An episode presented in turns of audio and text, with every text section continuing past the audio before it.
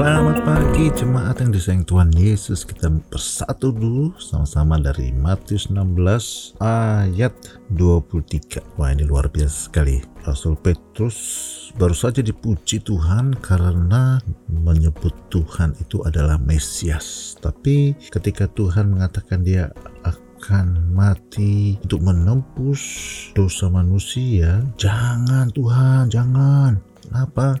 Ya mungkin dia merasa Tuhan Yesus dan murid-murid sudah semakin populer, disukai orang, banyak mujizat. Sayang dong kalau harus berhenti karena Tuhan harus mati di kayu salib. Lalu ayat 23 dikatakan, maka Yesus berpaling dan berkata kepada Petrus, Enyahlah iblis, engkau suatu batu sandungan bagiku, sebab engkau bukan memikirkan apa yang dipikirkan Allah, melainkan apa yang dipikirkan manusia. Kadang-kadang kita tidak sadar ya, kita bisa dipakai iblis iblis untuk mengacaukan rencana Tuhan di dalam hidup kita atau hidup orang lain.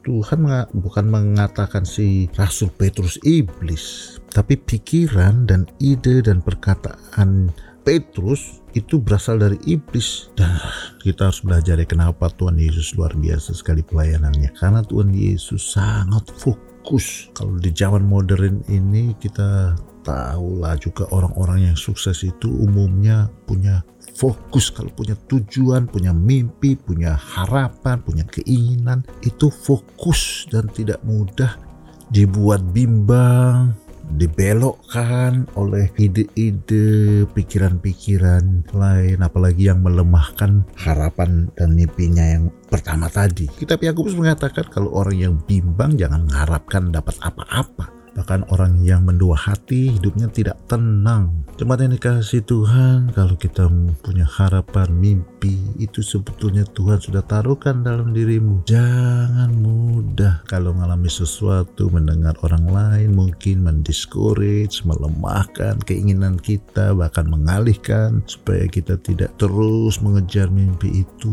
Kita harus buang karena itu semua berasal dari iblis. Cari Tuhan, apa yang Tuhan katakan maka kalau kita tidak bimbang kita pasti akan mengalami.